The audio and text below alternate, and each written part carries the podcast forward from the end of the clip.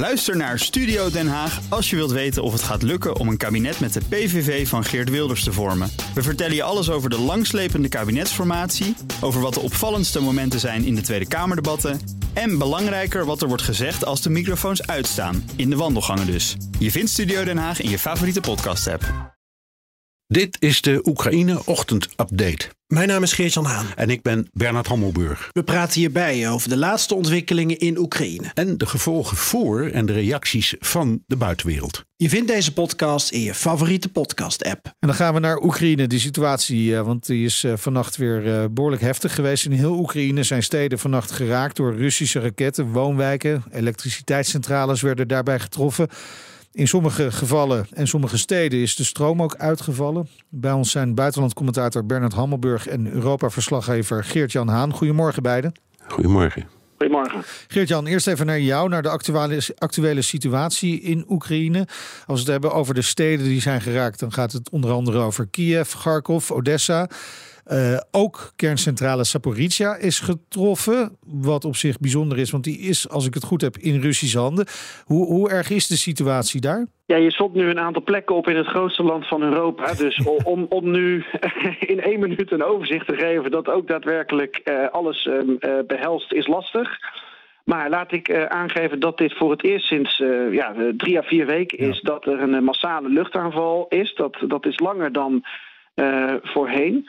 Um, wat we weten is dat er één Kinjal-raket, 34 uh, kruisraketten en vier drones uh, aanvallen hebben geprobeerd uit te voeren op allerlei plekken in, uh, in Oekraïne. Waarbij er in Lviv vier doden zijn gevallen, helemaal in het westen van het land. Toen werd daar een, een woonhuis getroffen. Dnipro, een grote stad meer in het oosten, daar is ook een dode gemeld. En verder is het nog afwacht en veel onduidelijkheid. Uh, gewonden ook door de luchtafweer. Wat je zegt, Kiev is ook getroffen. Um, vrienden van mij die, die uh, appten mij vannacht uh, van we worden weer gebombardeerd. Ehm, daar zaten ook mensen bij die mij dan een appje sturen die niet bang zijn. Um, hoe zeg je dat? Aangelegd.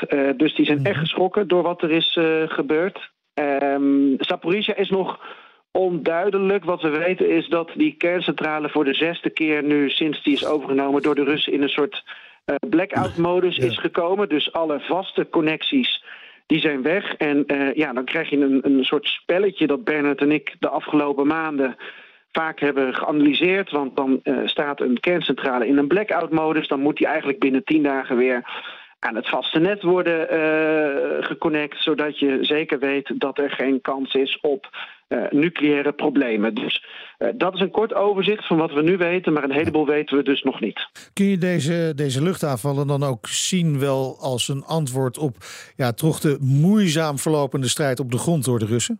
Geen idee, Mijnet. Ik zie dit vooral als escalatie vanuit Rusland zelf. Okay. Want Bernard, even waarom ik die vraag stel. Amerika zegt dit jaar geen grote overwinningen meer van Rusland in Oekraïne te verwachten. Hoe, hoe kijk jij naar die uitspraak nou, van de Verenigde Staten? Je kunt opnieuw zien dat je eigenlijk praat over twee ja, uh, aspecten van de oorlog, kanten van de oorlog. De grondoorlog, daar hebben de uh, Amerikanen het vooral over. Ja. Daar zie je inderdaad niet zoveel beweging. We hebben nu al, nou ja, inmiddels maandenlang het over de strijd om Bagmoed. Uh, maar dat zijn in feite, als je op de kaart kijkt, maar kleine dingen. Uh, dus dat front, dat millimetert nog steeds een beetje heen en weer. Uh, en we, we hebben het steeds over een voorjaarsoffensief. En wat de Amerikanen, denk ik, zien, is dat er geen aanleiding is om dat echt te verwachten. Want dan zou je aan uh, het samenkomen of het, of, of het bijeenbrengen van grote troepenmassa's iets moeten kunnen zien met je satellieten. En klaarblijkelijk zien ze dat niet. De andere kant is wat we nu meemaken. Dat is opnieuw, ik zal maar zeggen, een luchtoorlog. En eigenlijk zijn dat twee aparte dingen. En ja. Uh, ja. in de lucht is uh, uh, Rusland toch nog steeds behoorlijk superieur.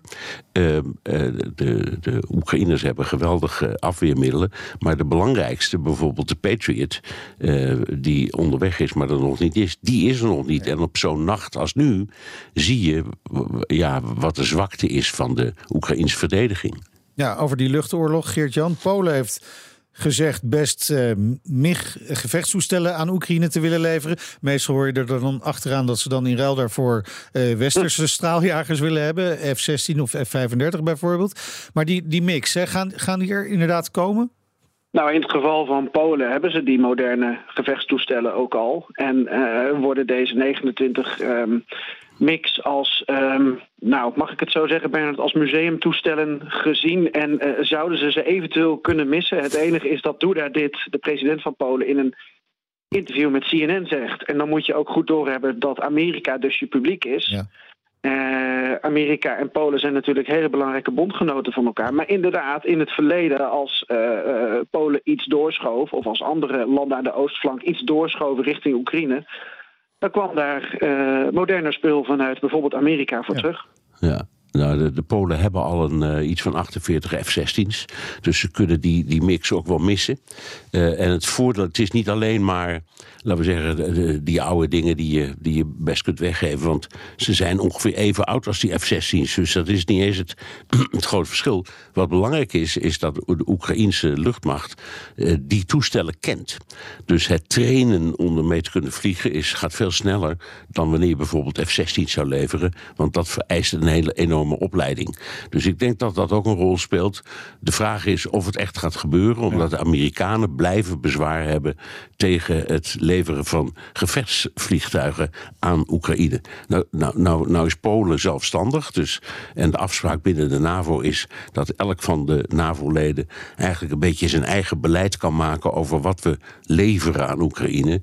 Dus ik ben benieuwd hoe het afloopt. Weet het ook niet.